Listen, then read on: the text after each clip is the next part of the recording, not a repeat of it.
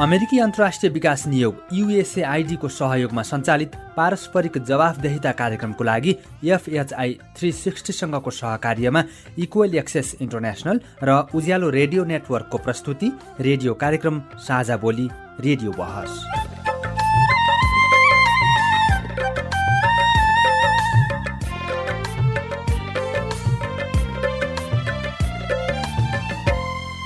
नमस्कार। साझा बोली रेडियो बहसमा तपाईँलाई स्वागत छ। म जानुका दुवाडी साझा बोली रेडियो बहसमा हामी नागरिक समाज आम सञ्चार माध्यम र सार्वजनिक निकाय बीचको पारस्परिक जवाबदेहिता र आपसी दिगो सम्बन्धका विषयमा बहस गर्छौं। पारस्परिक जवाबदेहिताका क्षेत्रीय सवाल र परिवेश समेटेर तयार पारिएको साझा बोली रेडियो बहसको यो स्थानीय संस्करण हो। आजको साझा बोली उज्यालो रेडियो नेटवर्क काठमाडौँमा नब्बे मेगाहर्जले उत्पादन गरेको हो। यो कार्यक्रम उज्यालो रेडियो नेटवर्क काठमाडौँमा नब्बे मेगाहरसँगै जनसञ्चार एफएम भक्तपुरबाट पनि प्रसारण हुन्छ। साझा बोली रेडियो बहसको यस सत्रको यो स्थानीय संस्करणको आज तेइसौं भाग हो। झण्डै चार वर्ष अघिदेखि प्रसारण भइरहेको साझा बोली यस वर्ष रेडियो बहसका रूपमा उत्पादन तथा प्रसारण भइरहेको हो।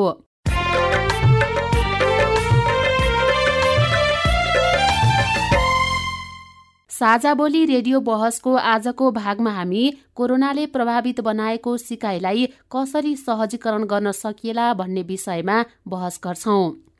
आजदेखि बीस गतेसम्म विद्यालय खोलेर बालबालिकालाई खोप लगाउने सरकारले जनाएको छ तर कोरोनाको पहिलो र दोस्रो लहरमा जस्तै तेस्रो लहर सुरु भइसकेपछि पनि बालबालिकाको पठन पाठन भने प्रभावित भइरहेको छ। कतिपय विद्यालयले वैकल्पिक माध्यमबाट पढाइ सुरु गरिसकेका छन्। वैकल्पिक माध्यम अन्तर्गत अनलाइन माध्यमबाट पठन पाठन सञ्चालन गर्दा गएका वर्षहरूमा प्रविधिको पहुँच नहुनु लगायतका विभिन्न कारणले धेरै बालबालिकाको पढाइ प्रभावित भएको थियो।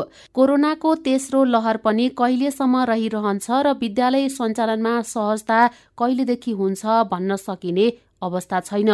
यस्तो अवस्थामा बालबालिकाका लागि सहज सिकाइ कसरी गर्न सकिन्छ भन्ने बारे आजको कार्यक्रममा हामी चर्चा गर्छौं। आजको कार्यक्रममा हामीसित छन् कोरोनाको समयमा सिकाइलाई सहजीकरण गर्ने तरिका। प्रविधि भनेको अहिलेको मोबाइल रेडियो मात्रै हो भनेर भन्ने किसिमको भूतबाट बाहिर निक्लौँ हामी कोरालोबाट के सिकाउन सक्दा रहेछौँ फरुवाबाट के सिकाउँदा सक्दा रहेछौँ भनेर भन्ने किसिमको चिन्तन शिक्षकले गर्नुपर्छ गर्न सक्छ र गर्नु नै पर्छ। यसका चुनौती? सामान्य यो किसानहरूको परिवार मजदुरको परिवार सामान्य व्यापारी पेसा गरेर खाने अभिभावकका छोराछोरीहरूलाई धेरै समस्या परिरहेको अवस्था छ।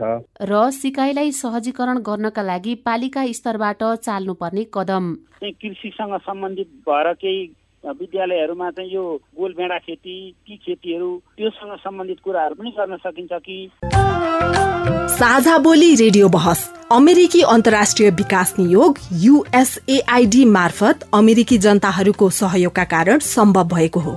यस कार्यक्रमभित्रका विषयवस्तु र सामग्री पारस्परिक जवाबदेहिता कार्यक्रमका एकल जिम्मेवारी हुन्। र यहाँ प्रस्तुत भनाइले युएसएआईडी वा अमेरिकी सरकारको विचार प्रतिबिम्बित गर्छन् भन्ने जरुरी छैन।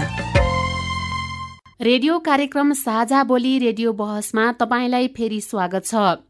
कोरोनाका कारण प्रभावित शिक्षण सिकाइ क्रियाकलापलाई कसरी सहजीकरण गर्ने भन्ने विषयमा बहस गर्नका लागि यतिखेर हामीसँग हुनुहुन्छ शिक्षाविद डाक्टर विद्यानाथ कोइराला र बुढा नीलकण्ठ नगरपालिकाका विद्यालय निरीक्षक इन्दु प्रसाद दाहाल। आज खरो छलफल हुनेछ। कान थापेर सुन्नुहोला है। त यतिखेर हामीसँग शिक्षाविद डाक्टर विद्यानाथ कोइरालाज्यू हुनुहुन्छ। त्यसै गरी बुढा नीलकण्ठ नगरपालिकाको शिक्षा शाखामा कार्यरत विद्यालय निरीक्षक इन्दु प्रसाद दाहालज्यू पनि हुनुहुन्छ। दुवैजनालाई कार्यक्रममा स्वागत छ। धन्यवाद नमस्कार। कार्यक्रमको सुरुवातमा सबैभन्दा पहिला केही सहभागीको भनाइ राख्छु त्यसपछि कुराकानीलाई अगाडि बढाउँछु। नमस्कार। म जगन्नाथ सुजकु म शिक्षक। हामी शिक्षक भएको कारणले शैक्षिक क्षेत्रमा लागिरहेको कारणले गर्दा आफू सुरक्षित हुँदै शैक्षिक गतिविधिलाई पनि कसरी अगाडि लाने भन्ने विषयमा अब हरेक विद्यालयले हरेक शिक्षकहरूले हरेक अभिभावकहरूले आफ्नै तरिकाले लागिरहेको अवस्था पनि छ। यसमा त सबभन्दा मुख्य समस्या भनेकै अनलाइन क्लासको लागि चाहिने विभिन्न किसिमका जुन प्रविधि हो अब साधनहरू हुन् त्यो सामान्य यो किसानहरूको परिवार मजदुरको परिवार अनि सामान्य व्यापारी सामान्य पेसा गरेर खाने अभिभावकका छोराछोरीहरूलाई धेरै समस्या परिरहेको अवस्था छ। अब यहाँ अब पन्ध्र बिसदेखि धेरैमा तिस पच्चिस तिस पर्सेन्टसम्म भनौँ न त्यति विद्यार्थीहरूको सहभागिता देखिरहेको अवस्था छ। भन्नाले सत्तरी प्रतिशत जति विद्यार्थीहरू त अझ बाहिरै छन्। ती अभिभावकहरूको अब आर्थिक समस्या होला सामाजिक समस्या होइन अरू पारिवारिक धेरै समस्याहरू होलान्। जबसम्म ती अभिभावकहरूको आर्थिक स्तर स्तर नै माथि उठ्दैन तबसम्म अनलाइन क्लास लगायत अरू कुराहरूमा पनि उहाँहरूलाई समस्या परि नै रहन्छ। यो हो मापदण्ड अपनाएर चाहिँ जो अब बच्चालाई चाहिँ शिक्षा स्कुलबाटै शिक्षा दियो भने मलाई चाहिँ तल्लो वर्गका बच्चाहरूले चाहिँ अब शिक्षा हासिल गर्न सकिन्छ होइन यसै अब लकडाउन गरेर अब अनलाइन कक्षा दियो भने पनि फेरि अब अस्सी पचासी पर्सेन्ट विद्यार्थीहरूका चाहिँ अनलाइन कक्षा हुँदैन। अनि तल्लो वर्गका बच्चाहरूलाई चाहिँ अब शिक्षामा चाहिँ एकदम गिरेको मैले देखिरहेको छु त्यो जाडो अलिक सकेपछि उहाँको दोस्रो अवधिको चाहिँ विद्यालय सञ्चालन भएन भने तल्लो लेभलका बजारले चाहिँ धेरै शिक्षाबाट चाहिँ वञ्चित हुनेछ होइन त्यसो लाग्छ क्या अस्सी पचासी पर्सेन्ट तल्लो लेभलका बजारले त्यहाँ अनलाइन ल्यापटपहरू हुनै हुँदैन भने अब उनीहरूले कसरी शिक्षा प्राप्त गर्छ होइन? त्यसको लागि चाहिँ अब एकदम हामीले चाहिँ सोच्नै पर्ने छ क्या म कार्यक्रमको सुरुवात डाक्टर विद्यानाथ कोइरालाज्यूबाट गर्छु। कोइरालाज्यू केही सहभागीको भनाई तपाईँले सुनिसक्नु भएको छ। कोरोनाको दुईवटा महामारीमा शैक्षिक क्षेत्र नराम्ररी प्रभावित बन्यो। फेरि तेस्रो लहरमा आइपुग्दा पनि शैक्षिक संस्था बन्द भएका छन्। अब सिकाइ क्रियाकलापलाई कसरी अगाडि बढाउनु पर्ला? मैले चाहिँ साह्रै सजिलो बाटो देखेको छु। किनभने साथीहरूले के बुझ्नु भएको छ भन्देखि शिक्षक भएपछि पढाउन भनेर नियुक्ति गरे हो। कसरी पढाउनु पर्छ भन्ने किसिमको जानकारी उहाँहरूसँग प्रशस्तै छ। त्यसो भनेपछि के हो भनेदेखि उहाँहरूले ल्याउनु भएको समस्यालाई म दुईवटा समस्यामा जोड्छु र त्यसपछि गर्दैन भन्छु। एउटा समस्या के हो भने विपन्न केटाकेटीहरू छन् कसरी पढाउने भन्नु हो साह्रै राम्रो कुरो गरेर भन्नु विपन्नलाई प्रविधि भन्दा भने गाउँको कुटो पनि हुनसक्छ कोदालो पनि हुनसक्छ। प्रविधि भन्दा भनेको अहिलेको मोबाइल रेडियो मात्रै हो भनेर भन्ने किसिमको भूतबाट बाहिर निक्ल्यौँ। त्यति भइसकेपछि हाम्रो हामी हलोबाट के सिकाउन सक्दा रहेछौँ? हामी कोदालोबाट के सिकाउन सक्दा रहेछौँ? फरुवाबाट के सिकाउँदा सक्दा रहेछौँ भनेर भन्ने किसिमको चिन्तन शिक्षकले गर्नुपर्छ गर्न सक्छ र गर्नु नै पर्छ। मैले पहिलो कुरोकानी त्यसरी भने त्यसो भएपछि के हुन्छ भनेदेखि यो अनलाइन न सुविधा नभए पनि केटाकेटीहरूले पढ्छन्। एउटा त्यो किसिमको सम्भावनालाई हामीले खोज्नुपर्छ र पढ्ने भनेको स्कुलको किताब मात्रै हो भनेर भन्ने होइन। त्यहीँनिर शिक्षकले के गर्नुपर्ने भयो भनेदेखि त्यो किताबलाई म व्यवहारसँग कसरी जोड्न सक्छु? मैले डोको देखेको छु डोकोबाट म के पढाउन सक्छु? गणित के पढाउन सक्छु होला? विज्ञान के सक्छु होला? सामाजिक के सक्छु होला? भन्ने किसिमको चिन्तन शिक्षकले गर्नु सक्छ गर्नुपर्छ गरेन भनेर भने त्यो अपराध हुन्छ विद्यार्थीमाथि। र राष्ट्रमाथि घात के हुन्छ भन्दाखेरि पैसा चाहिँ लिने काम चाहिँ नगर्ने भनेर भन्ने किसिमको घात हुन्छ। त्यो एक किसिमको हिसाबले बेइमानी हो भनेर भनेर भन्न पहिलो कुरोकानीको उत्तर भने दोस्रो चाहिँ के हो भने प्रविधिमा झन्डै उहाँहरूकै भनाइअनुसार तिहाई केटाकेटीहरू चाहिँ आबद्ध छन्। भनेपछि तिहाई केटाकेटीको निम्ति त प्रविधिलाई माध्यम बनाऊ त। प्रविधिलाई माध्यम बनाउने भनेको दिनभरि त्यो क्लासमा पढा जस्तो किसिमको गरेर पढाउने होइन नि। प्रविधिमा त विशेष विषयवस्तुहरू दियो। विद्यार्थीहरू तिमी खोज त। सोच त अब के भयो हेर त भनेर चाहिँ घरको कुरासँग जोड दिनुपर्छ त्यो किसिमको प्रक्रियामा यदि हामी जान सक्यौँ भनेर भनेदेखि हाम्रो पढाइ हुन्छ। होइन अहिले हाम्रो सरकारले गरेका वा हाम्रा शिक्षकहरूले गरेको हाम्रा प्राध्यापकहरूले गरेको थोत्रो भूत बजाएको मैले थोत्रो भूत बजाएको भनेर भन्ने गर्छु। थोत्रो भूत किन भनेर भनेदेखि स्कुलमा गएपछि मात्रै पढाइ हुन्छ भन्ने कुराकानी अब साह्रै पुरानो कुराकानी भइसक्यो। अब स्कुलमा पनि पढ्छ घरमा पनि पढ्छ केटाकेटीले बार बाटीमा बाह्रमा बाटी के अरे काम काम काममा गरेको देखेको नि पढ्छ। र त्यसपछि गएर चाहिँ उसले आफ्नै सुरमा पनि पढ्छ प्रविधिमा पनि पढ्छ यी सबै तिनवटा कुरालाई शिक्षकले जोड्छ र जोड्न जान्नुपर्छ। जोडेन भने त्यो शिक्षक काम गर्ने मान्छे हुँदैन भनेर भन्ने मलाई लाग्छ। इन्दु प्रसाद दाहालज्यू कोरोनाको कारणले गर्दाखेरि देशभरका शैक्षिक संस्था बन्द भएका छन्। तपाईँको पालिकाको पनि विद्यालयहरू बन्द भएको अवस्था छ। सिकाइलाई अगाडि बढाउनको लागि तपाईँहरूको पालिकामा चाहिँ कस्ता खालका कामहरू भइरहेछन्? विज्ञान सरले भने जस्तो चाहिँ अब चाहिँ हामीले यो शिक्षण सिकाइको प्याटर्न सरले त बेला बेलामा पहिलेदेखि नै भनिरहनु भएको छ। प्याटर्न हल्का चेन्ज गर्नुपर्छ। हामी शिक्षकहरू अनि शिक्षामा काम गर्ने हामीहरू ले पनि अलिअलि परिवर्तन गर्दै ल्याउनुपर्छ आफैलाई परिवर्तन गर्नुपर्छ भन्ने हिसाबले जानुपर्छ जस्तो लाग्छ मलाई पनि। र विगतको दुई वर्षमा पनि हामीले धेरै प्रयोगहरू गऱ्यौँ र कतिपय हामीले गरेका प्रयोगहरू चाहिँ सफल पनि भएको छ। जस्तै बुढानकण्ठ नगरपालिका अन्यत्र पनि प्रयोग भएको हुनसक्छ। बुढानकण्ठ नगरपालिकाले चाहिँ हामीले गत वर्ष के गर्यौँ भने स्थानीय स्तरमै हामीले केही सामग्रीहरू निर्माण गरेर चाहिँ विद्यालयमा दियौँ र विद्यालयको टिचरहरूले र विद्यार्थीहरूसँग पछि हामीले यो फेस टु फेस क्लास सुरु भइसकेपछि त्यसको कस्तो भएछ त त्यसको कतिको प्रभावकारिता छ भन्ने हिसाबले लिएर त्यो निकै प्रभावकारी रूपमा भएको भन्ने गार्जेनहरूबाट पनि पाइयो। र हामीले चाहिँ यो र सरहरूले गर्नुभएको प्रयोग भनेको अन्यत्र पनि गर्नुभएको छ। यो भाइबर भयो म्यासेज भयो अनि त्योबाट सामग्रीहरू पठाइदिने अनि घरमा चाहिँ प्रोजेक्ट वर्कको रूपमा उहाँहरूले प्रयोगत्मक अभ्यास र परियोजना कार्यको रूपमा गर्ने र आइतबार चाहिँ उहाँहरूलाई फेस टु फेस बोलाउने अनि त्यो टिचरहरूले करेक्सन गरिदिने केही कुराहरू राखिदिने अनि बिचमा चाहिँ मङ्गलबार बोलाउने त्यो ग्रुपलाई त्यसरी वर्क डिभिजन गरेर पनि त्यसरी हामीले गत वर्ष गरेका थियौँ। र यो वर्ष चाहिँ हाम्रो माघ सात गतेसम्म चाहिँ स्कुलहरू परीक्षा सकेर जाडोको बिदै थियो। त्यही सँगसँगै पन्ध्र गतेसम्म भनेर मन्त्रालयले एउटा सूचना जारी गरेपछि विद्यालयहरू बन्द प्राय छन्। र कतिपय आठ कक्षा र दस कक्षाको चाहिँ कतिपय विद्यालयहरूले हामीसँग अनुमति लिएर अनलाइन कक्षाहरू सुरु गरिसकेको अवस्था पनि छ। र अब मूलत अनलाइन कक्षामा समेटिने भनेको बुढानीकण्ठ नगरपालिकामा जम्मा एक सय उन्चालिसवटा शैक्षिक संस्थाहरू छन्। त्यसमध्ये सामुदायिक विद्यालयहरू उन्नाइसवटा मात्रै भएको र संस्थागत विद्यालयहरू चाहिँ एक सय बिसवटा भएको अवस्था छ। र एक सय बिसवटा संस्थागत विद्यालयहरूले चाहिँ अनलाइन कक्षा केही विद्यालयहरू बाहेक चाहिँ प्रभावकारी रहेको देखिन्छ र सहभागिता दर पनि लगभग साठीदेखि असी पर्सेन्टको बिचमा देखिन्छ भने सामुदायिक विद्यालयको चाहिँ पन्ध्रदेखि बिस पर्सेन्ट मात्रै देखिन्छ।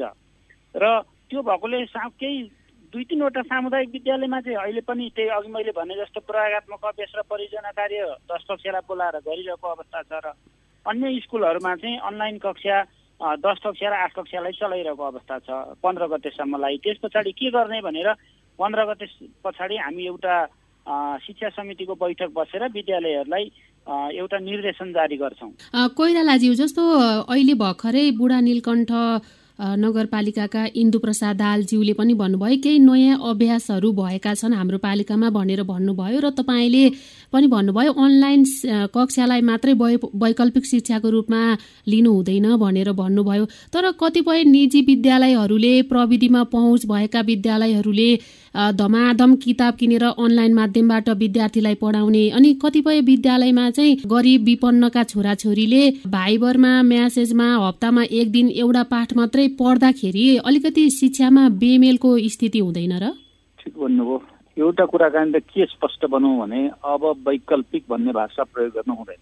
अब वैकल्पिक होइन एक अर्कोको परिपूरक हो भन्नु भन्ने बुद्धि अब हामीसँग चाहिन्छ त्यसो भने चाहिँ मैले किन त्यसो भने भनेर भनेदेखि औपचारिक कक्षामा पढ्ने भनेर भनेको सधैँ त्यही किसिमको हिसाबले पढ्न पाइएन भने पनि केटाकेटीले घरमा रेडियोबाट पढ्छ टेलिभिजनमा पढ्छ आफ्नो हिसाबले पढ्छ केही नभएदै गोरु चराउँदा पढ्छ गाई हेर्दाखेरि पढ्छ खेती गर्दाखेरि पढ्छ उसलाई पढ्ने कला चाहिँ सिकाइदिनु पर्ने भयो त्यो पढ्ने कला सिकाउने तागत कोसँग छ भने चाहिँ शिक्षकसँग छ।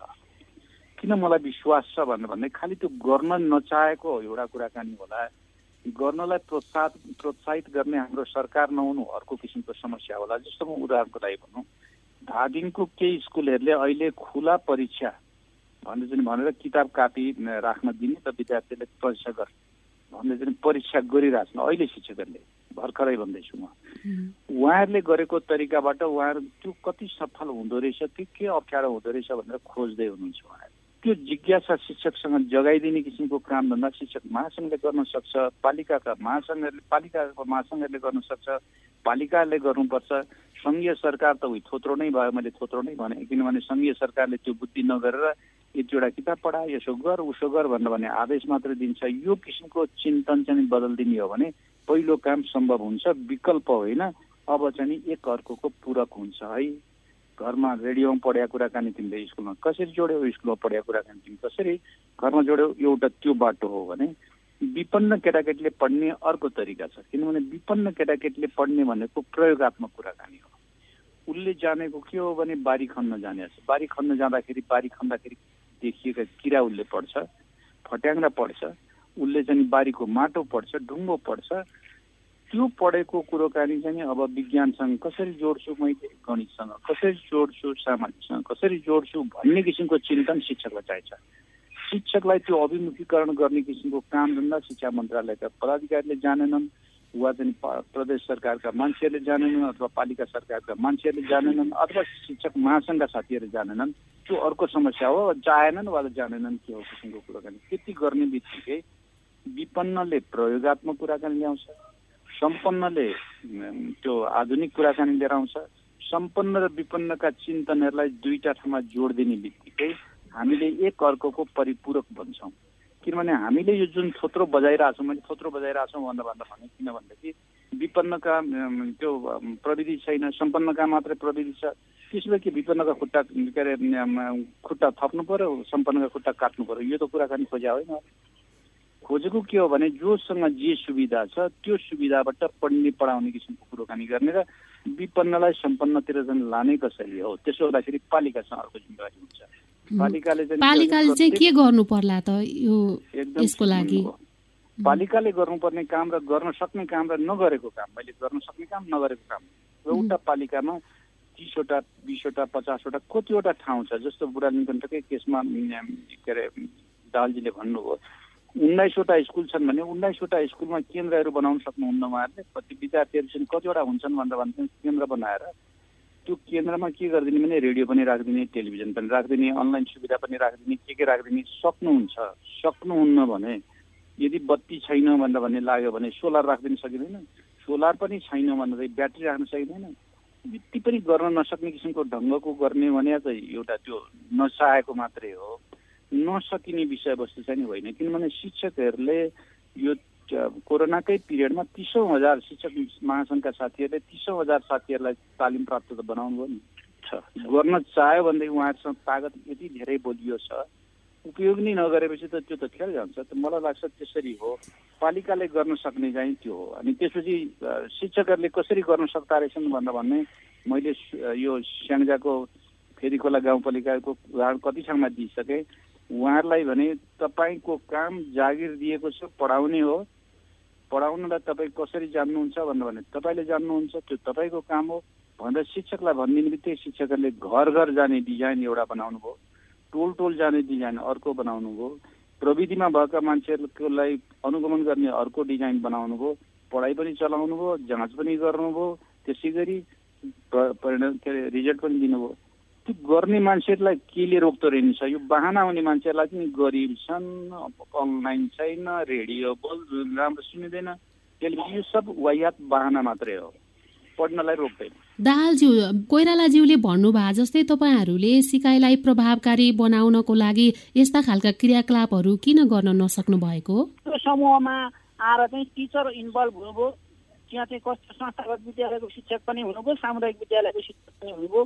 उहाँहरूले चाहिँ विभिन्न वैकल्पिक अघि सरले वैकल्पिक नगर्ने भन्नुभएको छ। परिपूरक सिकाइसँग सम्बन्धित हामीले चाहिँ पोर परारको प्रयोग भनेको वैकल्पिक सिकाइसँग सम्बन्धित तयार पारेका सामग्रीहरू एउटा यो हाम्रो शिक्षा तथा मानव स्रोत विकास केन्द्र युले युनेस्को सहयोग तयार पारेको सामग्री तथा बुढानीकण्ठ नगरपालिकाले सिएसएन भन्ने एउटा संस्था छ कोलाबोरेटिभ स्कुल नेटवर्क र हामी मिलेर एउटा सामग्री तयार गऱ्यौँ। त्यो सामग्रीको प्रयोग गरेर हामीले सिकायौँ। त्यो बच्चालाई घरमा प्रयोगत्मक कार्य दिने वर्कसिटहरू दिने उसले गरेर ल्याउने त्यो हिसाबले सामुदायिक सिकाइको कन्सेप्ट पनि हामीले प्रयोग गरेका हौँ।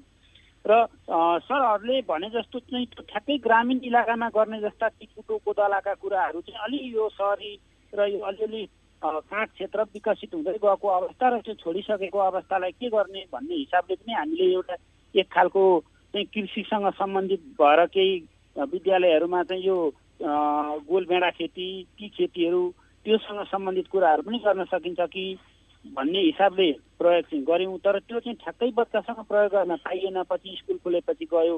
अबको अवस्थामा त्यो प्रयोग गर्ने अवस्था आउँछ भने हामी पुरानीकण्ठ नगरपालिका रेडी छ। र हामीले विद्यालयहरूमा चाहिँ सबै शिक्षकहरूलाई चाहिँ अनलाइन तालिमको पनि व्यवस्था गऱ्यौँ। एक चरण हामीले गऱ्यौँ। सरहरू त्योबाट प्रभावित हुनुभयो र केही विद्यालयहरूमा हामीले टिचरलाई चाहिँ ल्यापटप किनेर दिने हिसाबले सहयोग गरेर पनि उहाँहरूले अनलाइन क्लासहरू प्रभावकारी रूपमा चलाएको अवस्था छ। तर सबै जोडिनलाई चाहिँ भ्याली बाहिर जाने अनि घर चाहिँ बाहिर भएकोले गर्दा त्यो खालको बच्चाहरू जोडिन नसक्नु भएको मात्रै हो।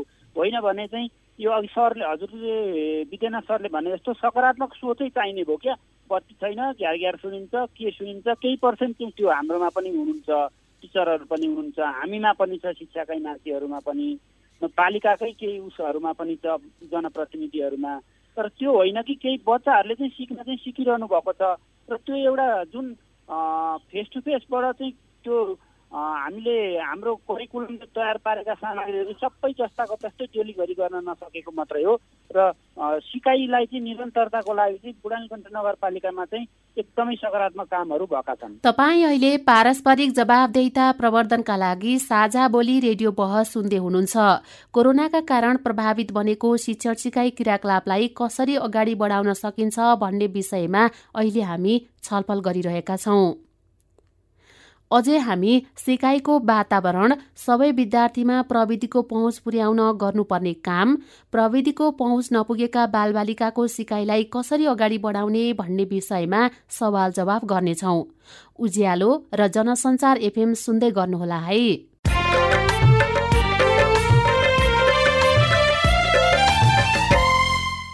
तपाईँ यतिखेर साझा बोली रेडियो बहस सुन्दै हुनुहुन्छ। अहिले हामी कोरोनाको समयमा सिकाइलाई कसरी अगाडि बढाउन सकिन्छ भन्ने विषयमा छलफल गरिरहेका छौं। छलफलमा हामीसँग हुनुहुन्छ शिक्षाविद डाक्टर विद्यानाथ कोइराला र बुढा नीलकण्ठ नगरपालिकाका विद्यालय निरीक्षक इन्दु प्रसाद दाहाल। अब फेरि हामी थप कुराकानीलाई अगाडि बढाउँछौ। कोइरालाज्यू जस्तो ग्रामीण क्षेत्रमा कुटो कोदालोसँग जोडेर पढाइ सिकाएका कुराहरू यहाँले गर्नुभयो भर्खरै इन्दु प्रसाद दाहालज्यूले भन्नुभयो अलिकति सहरी क्षेत्रमा काँड क्षेत्रमा चाहिँ त्यो सम्भव नभएको हो कि जस्तो पनि देखिन्छ होइन धेरै ठाउँमा सहरी क्षेत्रमा चाहिँ अनलाइन माध्यमबाट नै पठन पाठन सञ्चालन भइरहेको छ र त्यसलाई कसरी प्रभावकारी बनाउने भन्ने पनि एउटा कुरा होला। अनलाइन कक्षामा जुन शिक्षक र विद्यार्थी बिच हुनुपर्ने आत्मीयता हुन्छ त्यसको चाहिँ अभाव हुन्छ। यसलाई चाहिँ कसरी पूर्णता दिन सकेला त? तपाईँले दुईवटा कुराकानी भन्नुभयो जानकारी एउटा चाहिँ के भन्नुभयो भने शिक्षकलाई यसरी गर भन्दा भन्दा भन्ने किसिमको जुन चिन्तन हामीसँग बस्यो त्यो नै घातक चिन्तन हो। मैले घातक चिन्तन किन भन्यो भने शिक्षा मन्त्रालयका मान्छेले पनि के भन्यो भने शिक्षक यसरी गर्नुपर्छ भने पालिकामा पनि दालजीले भन्नुभएको छ तिमीहरू यसरी गर्नुपर्छ भने हामी को हौ? हामीलाई भन्दा बढ्ता जानकारी त्यही शिक्षकलाई छ भन्ने किसिमको चिन्तन यदि हाम्रा नेतृत्वसँग हुने हो भने मलाई लाग्छ तुरुन्तै हामीले बदल्न सक्छौँ। अनि त्यही शिक्षकले के भन्छ भने ए मसँग त कोदालो मात्रै छ। त्यसो भए म कोदालोबाट कोदालोबाट गणित कसरी पढाउन सक्छु? भन्यो भने त उसले त ज्यामितिको त मजै पढाउन सक्छ। उसले भूगोल पनि मजैसँग पढाउन सक्छ। उसले अर्थशास्त्र पनि मजासँग पढाउन सक्छ। उसले चाहिँ के अरे ए मैले त्यो कोदालोबाट त यतिका कुराकानी पढाइसकेको छु अब म के गरौँ अब यति पाठ चाहिँ मैले पढाउन सकिनँ लौ न साथी के गरौँ भनेर भन्छ फेरि अब अनलाइनमा जान्छ। अनलाइनमा गइसकेपछि उसले अनलाइनमा के गर्न पाउने भयो भनेर भन्दाखेरि ए यस्तो यस्तो किसिमको समस्या अब के गर्नुहुन्छ साथी हो? भनेर भन्यो भने अहिले शिक्षक साथीहरू यति मजासँग जोडिनु भएको छ अनलाइनमा कि तपाईँले एउटा सन्देश पठाइदिनुहोस् यसको उत्तर मैले जानिनँ यार भनेर कसैले भनिदियो भनेर भने मेरो उत्तर यो हो है भनेर भन्दा स्वदेश र विदेशका शिक्षकहरूले तुरुन्तै थाहा पाउँछ। यति राम्रो अवस्थालाई चाहिँ उपयोग गर्ने बित्तिकै शिक्षकहरूले सजिलै सक्ने भयो रह्यो अनलाइनको निम्ति सामग्री। अनलाइनको निम्ति सामग्री बनाउनलाई हाम्रो शिक्षकहरूलाई ल साथीहरू तपाईँ विद्यार्थीलाई दस मिनटमा तपाईँ आफ्नो आफ्नो कुराकानी सिकाउने चाहिँ बन्दोबस्त मिलाउनुहोस्। पन्ध्र मिनट विद्यार्थीले आफू सोध्छ। पन्ध्र मिनट उसले बाबामासँग सोध्छ अनि फेरि तपाईँको आएर भन्छ भन्ने किसिमको ढङ्ग रङ्ग मात्रै गरिदिने हो भने शिक्षकहरूले तुरुन्तै बनाउँछ म उदाहरण दिएर भन्छु त्यो माइक्रो ट्वेन्टी ट्वेन्टी भन्दा भन्दा भन्ने किसिमको अभियानमा माइक्रो टिचिङ ट्वेन्टी ट्वेन्टी भन्ने अभियानमा शिक्षक सङ्गठनका साथीहरूले बकाइदासँग पन्ध्र मिनटमा क्लास सक्ने किसिमको डिजाइनहरू बनाए। त्यो डिजाइनहरूलाई चाहिँ अगाडि बोकिदिने किसिमको सरकारको बुद्धि भइदिएको भए सायद अहिले हामीले पढाउनलाई अनलाइनमा कसरी पढाउने किताबै पढाइरहेको छ यो ठिक भयो कि भएन भन्दा भन्ने थोत्रो बुद्धि बोक्नु पर्दैन त्यसैले म चाहिँ मेरो आफ्नो मुख्य कुराकानी के हो भने शिक्षकलाई ठाडै भन्नु पर्यो यो तपाईँलाई तलब दिएको छ तपाईँको काम पढाउने हो। पढाउनको निम्ति तपाईँलाई तलब दिएपछि तपाईँ नै जानकार मान्छे हो। कसरी पढाउने? अनलाइन भएको ठाउँमा कसरी पढाउनुहुन्छ? अफलाइन भएको ठाउँमा कसरी पढाउनुहुन्छ? सामग्री नभएको गरिब बस्तीमा कसरी पढाउनुहुन्छ? तपाईँको डिजाइन के हो भनेर भनौँ। त्यसमा हामीले कस्मेटिक लगाइदिउँ। हामी कथित विज्ञ भन्ने मान्छेहरूले कस्मेटिक लगाइदिउँ। किन भनेदेखि त्यो कुरोकानी गरिदिने बित्तिकै शिक्षकको मनोबल बढेर आउँछ। काम गर्ने तरिका थाहा हुन्छ र भोलिको निम्ति केटाकेटीहरूले स्कुलै आउनुपर्छ भनेर भन्ने हुँदैन। अब स्कुलमा आएर चाहिँ उसले संवाद गर्ने थलो बनाउन सकिन्छ। तिन दिनमा एकचोटि संवाद गरौँ न। त्यो संवादमा के होस् भने मैले त कोदालोबाट सिकेको थिएँ यस्तो पो थाहा पाएँ त। मैले फोरुवाबाट सिकेको थिएँ मैले त यस्तो पो थाहा पाएँ त। मैले अनलाइनमा सिकेको थिएँ यस्तो पो थाहा पाएँ त। अब त्यसो भए यी थाहा पाएका कुराहरूमा जोड्ने कसरी? किनकि विद्यार्थीको चिन्तन त यति फराकिएर जान्छ यति विज्ञता हासिल हुन्छ परिव पढाइ चाहिँ नि व्यवहारिक पनि बन्छ जनमुखी पनि बन्छ। अब खालि प्रश्न के हो भने गर्ने कि नगर्ने भन्ने चाहिँ नि ठुलो समस्या हो। र हाम्रो यो अहिलेसम्म शिक्षकले यसो गर्नुपर्छ उसो गर्नुपर्छ भन्ने किसिमको कुरो नै घातक कुरोकानी हो। त्यसलाई बदलिदियो भने तपाईँले भन्नुभएको छ अनलाइन पनि अफलाइन पनि बिना सुविधाको ठाउँमा पनि एकसाथ पढाइ हुन सक्छ पढेका कुरा जोड्न सकिन्छ जोडाउन सकिन्छ। दाहालज्यू कोइरालाज्यूले भन्नुभयो गर्न नसकिने भन्ने केही पनि होइन तर इच्छा शक्तिमा चाहिँ कमी आएको हो भनेर भन्नुभयो। तपाईँहरूमा पनि यस्तै भएको हो? होइन मैले यस्तो भने म अब सबैको प्रतिनिधित्व गरेर मैले भन्नुपर्ने हुँदा चाहिँ सरले भनेको ठिक हो। यो यो चाहिँ शिक्षकलाई हामीले भोग जग्गा हुन सकेनौँ कि? होइन शिक्षकको शिक्षकमा भोग जागिसके पछाडि उहाँले आफै गर्नुहुन्छ विद्यार्थीलाई भोग जगाउन सक्नुभयो भने शिक्षकमा भोग जागिसकेपछि विद्यार्थीलाई भोग जगाउन सक्नुभयो भने त केही न केही त बच्चाले आफै सिकिहाल्छ नि त्यो हिसाबले जाने हो। र गर्ने चाहिँ उहाँहरूले नै हो। सरले भने जस्तै हो हामीले प्रयोग गर्ने सबैले गर्ने भन्ने भनेको आफ्नो ठाउँबाटै उहाँहरूले गर्न सक्नुहुन्छ। र उहाँहरू अलि प्रोत्साहनका कुराहरू चाहिँ पालिका तर्फको तर्फबाट हुनुपर्छ भइरहेको छ। हाम्रो कण्ठको केसमा मैले त्यो भनेको त्यो भइरहेको पनि छ र गरिरहनु भएको छ केही। खोजेर अमूर्त सांस्कृतिक सम्पदा खोजेर सबै विषयसँग टाइअप गरेर जस्तै सामाजिक गणित अङ्ग्रेजीसँग गरेर पनि पढाएको अवस्था आएको छ हाम्रोमा हाम्रोमा प्रयोग भएको छ त्यो। र यो चाहिँ कस्तो यो पेन्डामिककै अवस्थामा गत वर्ष हामीले गऱ्यौँ र एकदमै त्यो त्यो त्यो सोचलाई चाहिँ हामीले दसवटा माध्यमिक विद्यालयमा एकैपल्ट तल सबैमा लान नसक्ने अवस्था भए पनि केही सामुदायिक विद्यालयहरूमा दसवटा माध्यमिक विद्यालयहरूमा त्यो लान खोजिरहेको अवस्था छ। र गर्ने भनेको चाहिँ पालिकाले चाहिँ समन्वय गरिदिने काम चाहिँ पालिकाले गर्नुपर्दो रहेछ र हामीले चाहिँ त्यो चाहिँ समन्वय गर्ने काम गरिरहेका छौँ। तालिमहरूको कुरा पनि टिचरहरूले हामीलाई यस्तो तालिम चाहियो भनेर उहाँहरूले मागे पछाडि अहिले पनि हाम्रो अब दस पन्ध्र दिन पछाडि एउटा तालिमको हामीले डिजाइन गरेका छौँ। अनलाइन क्लासलाई कसरी प्रभावकारी बनाउने र अनलाइन मात्रै होइन कि फेस टु फेस पनि र अफलाइन पनि। जुनसुकै अवस्थामा पनि ती शिक्षकहरूलाई चाहिँ प्रविधि मैत्री के गर्न कसरी लान सकिँदो रहेछ भन्ने हिसाबले चाहिँ त्यसको लागि प्रयोग गरिरहेका छौँ। र सरले भन्नुभएको जस्तो त्यो चाहिँ एउटा चाहिँ हो फेरि। भोक चाहिँ जगाउने काम चाहिँ अलिकति पालिका लेभलबाट पनि गर्नुपर्छ शिक्षकहरूलाई। तपाईँ अहिले पारस्परिक जवाबदेता प्रवर्धनका लागि साझा बोली रेडियो बहस सुन्दै हुनुहुन्छ। बहसमा हामीसँग हुनुहुन्छ बुढा नीलकण्ठ नगरपालिकाका विद्यालय निरीक्षक इन्दु प्रसाद दाहाल र शिक्षाविद डाक्टर विद्यानाथ कोइराला। अझै हामी जोखिमको समयमा शिक्षा लगायतका क्षेत्रमा पूर्व तयारीका काम अगाडि बढ्न नसक्नुको कारण वैकल्पिक शिक्षाबाट पठन पाठन सञ्चालन गर्दा त्यसको मूल्याङ्कन प्रणाली कस्तो हुने लगायतका विषयमा थप चर्चा गर्छौं।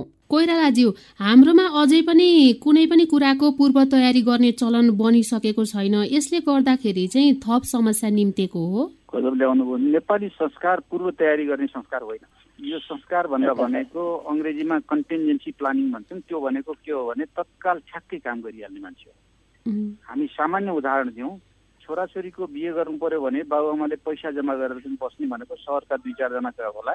नत्र गाउँघरमा चाहिँ छोराको बिहे आँटेँ छोरीको बिहे आँटेँ लौ न कसले कति दिन्छ भनेर चाहिँ कसै कहाँ चामल पैसा दिने कसै कहाँ पैसा सापट्टि लिने। किसिमको संस्कृति भएको ठाउँ हो। त्यो ठाउँको तागत भनेर भनेको तत्कालको निम्ति रातारात काम गर्न सक्ने हो। अहिले हाम्रो शिक्षकलाई तत्काल यो कोरोनाको बेलामा तपाईँलाई तलब दिएको छ तलब दिएको काम चाहिँ तपाईँले पढाउनु पर्ने हो। त्यसको निम्ति तपाईँ के गर्न सक्नुहुन्छ भनेर भनिदिने भने रातारात हामीसँग हजारौँ हजार बुद्धि आउँछ। अब ती आएका बुद्धिहरूमध्ये कुन चाहिँ नि मधेसलाई काम लाग्ला कुन पहाडलाई काम लाग्ला कुन हिमाललाई काम लाग्ला भन्ने किसिमको कुरो वा कुन संस्कृतिलाई काम लाग्ला कुन सम्पन्न परिवारलाई काम लाग्ला कुन विपन्न ठाउँमा काम लाग्ला कुन ठाउँमा शिक्षकको तागतसँग मिल्ला यो किसिमको प्रक्रियामा हामी जान थाल्यौँ भने हामीले यस्तो मजा गर्छौँ किनभने हाम्रो त दीर्घकालीन चिन्तन गर्ने किसिमको कुरो होइन। म उदाहरण भन् दिएर भन्छु हामीसँग भएका एसएसआरपीको हिसाब गरौँ एसएसडिपीको हिसाब गरौँ अहिले एसइडिपी भनेर भनेर बनाएको हिसाब गरौँ ती तिनवटाको कुरोकानीबाट विश्लेषण गरेर हेर्नु हो भने शैक्षिक गुणस्तर बढाउने भन्ने रहर हो। अहिलेसम्म शिक्षा मन्त्रालयकै तथ्याङ्कले के भन्छ भने शैक्षिक गुणस्तर घट्यो। भनेपछि त हाम्रो त योजना त फेलै भइरहन्छ कि विदेशीहरूले जति पैसा ल्याउन् वा स्वदेशीहरूले जति पैसा उ गरून् यति ल्याउँ उति ल्याउँ भनौँ हाम्रो चाहिँ चिन्तन नै के रहेछ भने तात्कालको निम्ति काम गर्ने रहेछ। म महावीर पुङलाई सम्झन्छु उहाँले के भन्नुहुन्छ भनेर भनेर भनेदेखि मेरो योजना सजाउनु छैन। योजना अर्काको कसो हुन्छ थाहा छैन जे पर्छ त्यही गर्छु। हाम्रो शिक्षक त्यही तागत भएको मान्छे हो। उसलाई अहिले विद्यार्थी के अरे कोरोनाले त्रासित बनायो। त्यो बेलामा हाम्रो विद्यार्थीलाई विषय विज्ञ बनाउने कसरी? ऊ बाख्रा एरियाको केटाकेटीलाई बाख्रा विज्ञान के गरी बनाउने हो? त्यो बारेमा सोचौँ। कुखुरा हेरिरहेको छ कुखुरा विज्ञान के गरी बनाउने हो? गिटी फोरिरहेको छ विज्ञान के गरी बनाउने हो? अथवा चाहिँ ऊ चाहिँ नि कम्प्युटर चलाइरहेको छ कम्प्युटरको विज्ञान के गरी बनाउने हो? घाट के गरी बनाउने हो? यो बारेमा मात्रै चिन्तन गराउन सकियो भने हामीले त यत्रो ठुलो काम गर्छौँ। कि सानै उमेरदेखि केटाकेटीहरूलाई विज्ञता हासिल गर्दै लान्छौँ। प्रश्न के हो भने त्यतातिर धकेल्न सकेनौँ त्यति मात्रै प्रश्न यो धकेल्ने चाहिँ कसरी हो त? कसले के गर्यो भने त्यो हुन सक्ला? बडो ठिक भन्नुभयो वास्तवमा के हुँदो रहेछ भनेर भने कसले मैले शिक्षक साथीहरूसँग बारम्बार भनिरहेको छु र भनिरहन्छु पनि एउटा हलीलाई के थाहा हुन्छ भन्दा भन्दा भनेदेखि हलो कसरी घोसे भयो कि ठाडो भयो कि पाहाडको मिलेन कि माने त्यो गोरुलाई फाली लाग्यो कि गोरुलाई कहाँ लाग्यो कि के किसिमको कुरोकानी भन्ने थाहा पाउने भनेको हली हो हलो जोत्ताखेरिको विज्ञ त्यही हो। पढाउने कसरी हो? अहिले कोरोना आयो घरमा बसेर कसरी पढाउने हो? स्कुलमा आउँदाखेरि कसरी पढाउने हो? प्रविधिमा आउँदाखेरि कसरी पढाउने हो भन्ने बारेमा जानकार कोही मान्छे हो भने त्यही शिक्षक हो। त्यसले पढाउने मान्छे भयो त्यसैले हो। उसलाई हामीले चुनौती गरेर ल है तपाईँ कसरी गर्न सक्नुहुन्छ? विचार ल्याउनुहोस्। ऊ अब्बल विचारको निम्ति हामी यति रुपियाँ दिन्छौँ भन्दा भन्दा भनौँ न। वा राष्ट्रिय सम्मान दिन्छौँ भनौँ न। राष्ट्रपति पुरस्कार दिन्छौँ भनौँ न। यति गर्ने बित्तिकै हाम्रा शिक्षकहरू रातारात तात्छन्। म एकदम विश्वस्त छु। नतात्ने दुई चारजना होला खुट्टा तान्ने त्यो जहाँ पनि हुन्छ। त्यो कुनै नौलो भएन। तर अब त्यसो हुँदाखेरि चाहिँ ती मान्छेहरूलाई छोडिदिउँ। तर गर्ने मान्छेहरू अगाडि आउँछन् वास्तै। त्यो गर्ने मान्छे अहिले पनि यति राम्रो राम्रो काम गरिरहेको शिक्षकहरू हुनुहुन्छ। त्यो सरकारको अस्ति हिचाडि अस्ति मात्रै मन्त्रीजीसँग मैले भने तपाईँसँग तथ्याङ्क छ मन्त्रीज्यू? भन्यो भने छैन। अब यो यो देशमा बुढा नीलकण्ठ नगरपालिका नै भनौँ न बुढा नीलकण्ठ नगरपालिकामा त्यो एक सय उन्चालिसवटा स्कुल भनेर भन्नुभयो। हाम्रो नगरपालिकाभरिमा राम्रो गर्ने कुन कुन किसिमको छन् म मेयर साहबसँग पनि सोधिरहेको थिएँ तिनीहरूलाई सञ्चालित गरौँ न?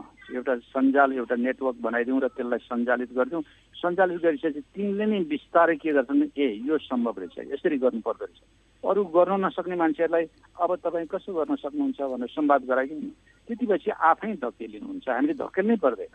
त्यसरी किन भनेदेखि मान्छेको स्वभाव कोही चाहिँ नि सोझै अगाडि चिन्तन गर्ने हुन्छ। कोही चाहिँ अरूले गरेको हेरेर दुई चार दिनपछि म पछि पछि लाग्छु भन्ने हुन्छ। कोही चाहिँ हुँदैन भन्दा भन्दा पनि पछि पछि लाग्छन् ती पछि पछि लाग्ने मान्छेलाई चाहिँ समातेर तर्साउनु पर्ने अवस्था हुन्छ।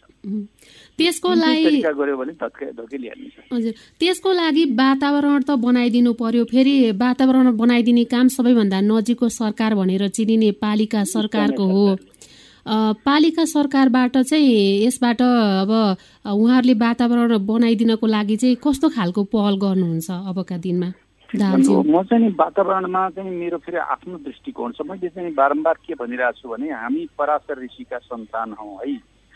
पराशर ऋषिले वेदव्यास जन्माउनको निम्ति वातावरण कसरी बनाए भनेर कसैले सोध्यो भने मत्स्यगन्धासँगको सम्बन्धको निम्ति कतिखेर उनले वातावरण बनायो भने त्यहीँ त्यहीँ के भन्छ धुवा कुहिरो सिर्जना गरे त्यहीँ नदेखिने ठाउँ बनाए उनीसँग सम्बन्ध बनाएर त्यसपछि गएर जन्म जन्मे बेर्जा त्यो पुर्खाको सन्ततिले वातावरण छैन भन्नु हुँदैन। वातावरण भनेको बनाउने हो त्यो आउने होइन। पहिलो कुरो खाने मेरो त्यहाँनिर मैले जाने गर्छु।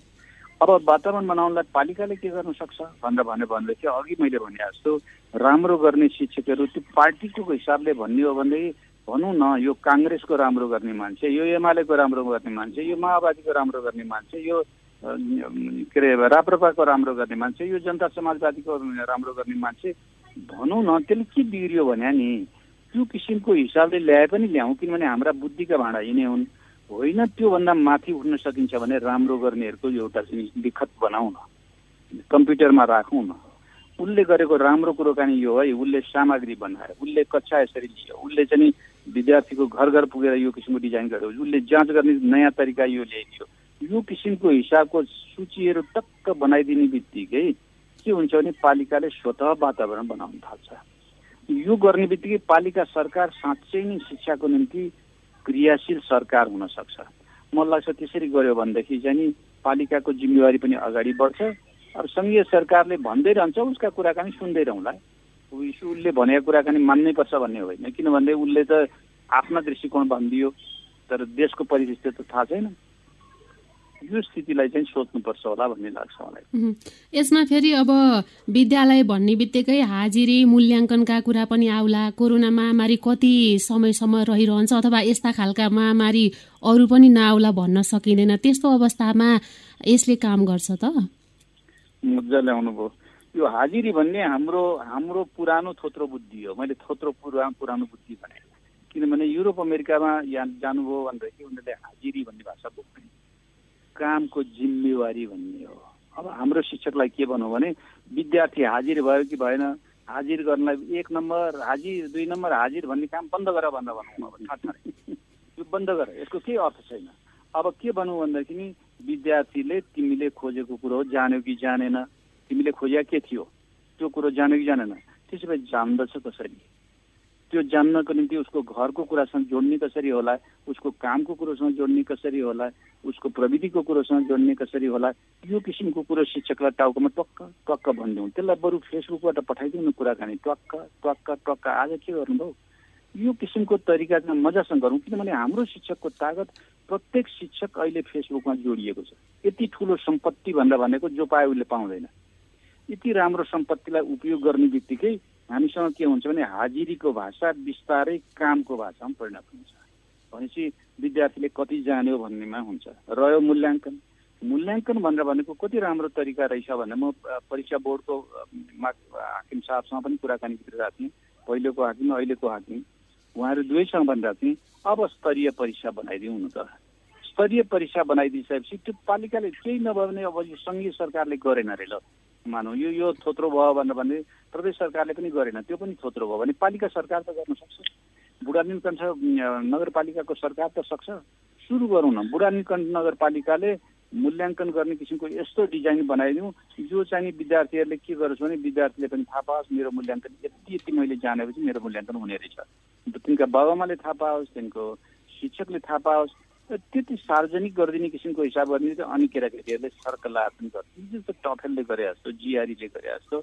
मेरो यसमा यति नम्बर आउँदो रहेछ मलाई यति नम्बर चाहिने रहेछ। यति थप्यो भने म पास हुन्छु। केटाकेटीलाई त त्यति चाहिने हो नि। यो काम गर्न सकिन्छ। त्यति गर्ने बित्तिकै मलाई लाग्छ हामी सजिलै यहाँले भन्नुभएको छ हाजिरीबाट पनि मुक्त हुन्छौँ काममा लान्छौँ। त्यसपछि गएर मूल्याङ्कन गर्ने पनि बाटो ल्याउँछौँ। अब यो तिन घन्टे मूल्याङ्कनले भएन भने सिल्लीहरूको कुरोकानी बन्द गरेको म सिल्लीहरूको नि भन्छु। भएन भनेर भनेपछि त्यो बाटो के गर्ने त भन्ने त बाटो ल्याउनु पऱ्यो नि त। त्यो बाटो के हो त साँच्चै लु भन्नुहोस् भनेर भन्यो भने शिक्षकहरूले मजा मजा कुरा ल्याउनुहुन्छ। यसोले काममा पठाउने ल त्यसो भए एउटा परियोजना दिने डिजाइन बनाउनु। त्यो परियोजना दिएर चाहिँ तपाईँले जाँच्ने होइन उसले प्रस्तुत गर्न लाउनुहोस् न।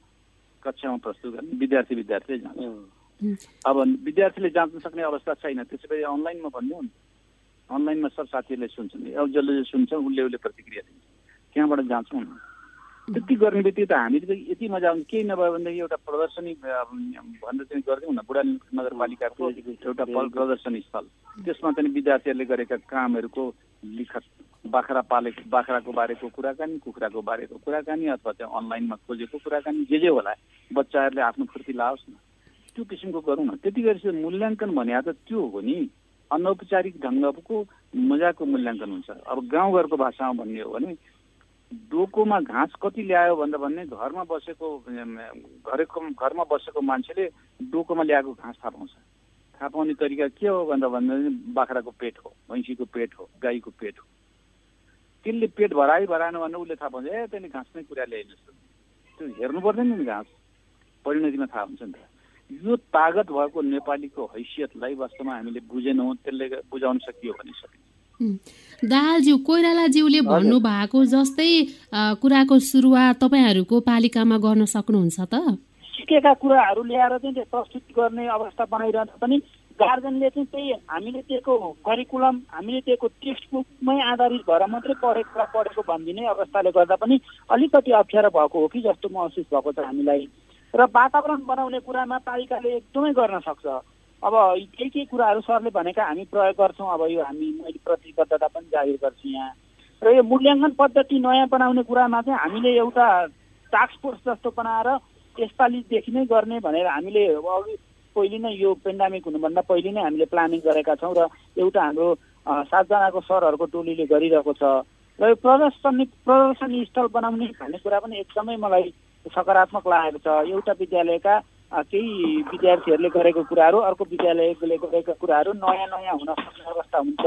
र त्यसले गरेको जस्तै अर्कोले गरेको भन्दा फरक आउँदा त्यहाँ सिकाइको कुराहरू पनि जोडिन आउँछ भन्ने हिसाबले ती कुराहरू पालिकाले गर्न सक्छ र पालिका आफै एउटा सरकार भएकोले चाहिँ आफ्नो उसमा चाहिँ पालिकाले माथिबाट गाइडेड भएर मात्रै गरिरहने अवस्था पनि नहुन सक्छ। आफै पनि तयार गरेर चाहिँ यो नेसनल करिकुलम फ्रेमवर्कभित्र रहेर केही कुराहरू चाहिँ सिकाइसँग सम्बन्धित कुराहरूलाई हामीले आफै पनि गर्न सक्छौँ र केही केही चाहिँ गरिरहेका छौँ।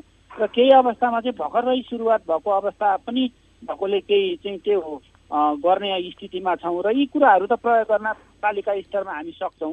हुन्छ छलफलमा सहभागी भइदिनु भयो यहाँहरू दुवैजनालाई धेरै धन्यवाद। हस् धेरै धेरै धन्यवाद हजुरलाई। सरलाई धेरै धेरै धन्यवाद हजुर।